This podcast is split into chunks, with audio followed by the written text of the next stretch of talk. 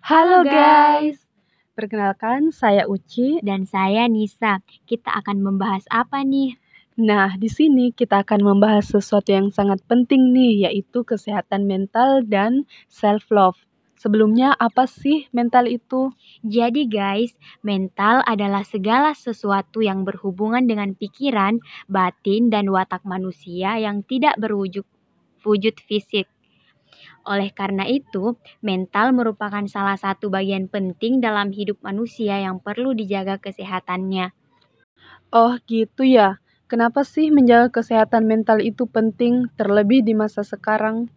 Karena ketika kita sehat secara mental, maka kita akan menerima diri apa adanya, juga mampu beradaptasi, berkembang, dan mengekspresikan diri, mampu mengendalikan diri, mandiri, dan bertanggung jawab pada diri sendiri, mau mempelajari hal baru, memiliki empati, mampu menghargai orang lain, serta adaptif terhadap lingkungan.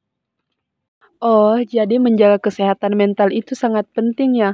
Apa sih contoh yang dapat kita lakukan untuk menjaga kesehatan mental kita sendiri? Salah satunya adalah dengan self-love nih guys, dengan mencintai diri sendiri. Hmm, self-love itu apa sih?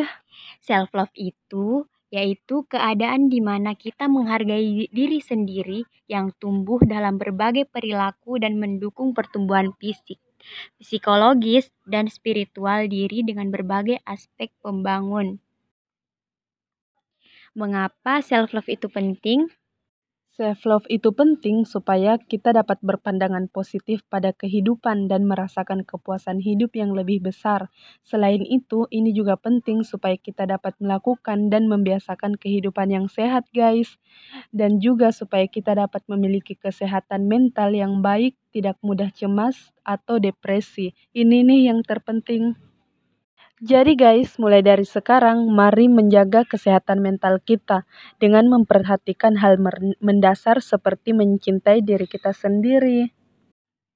Mari bersama-sama menjaga kesehatan mental kita.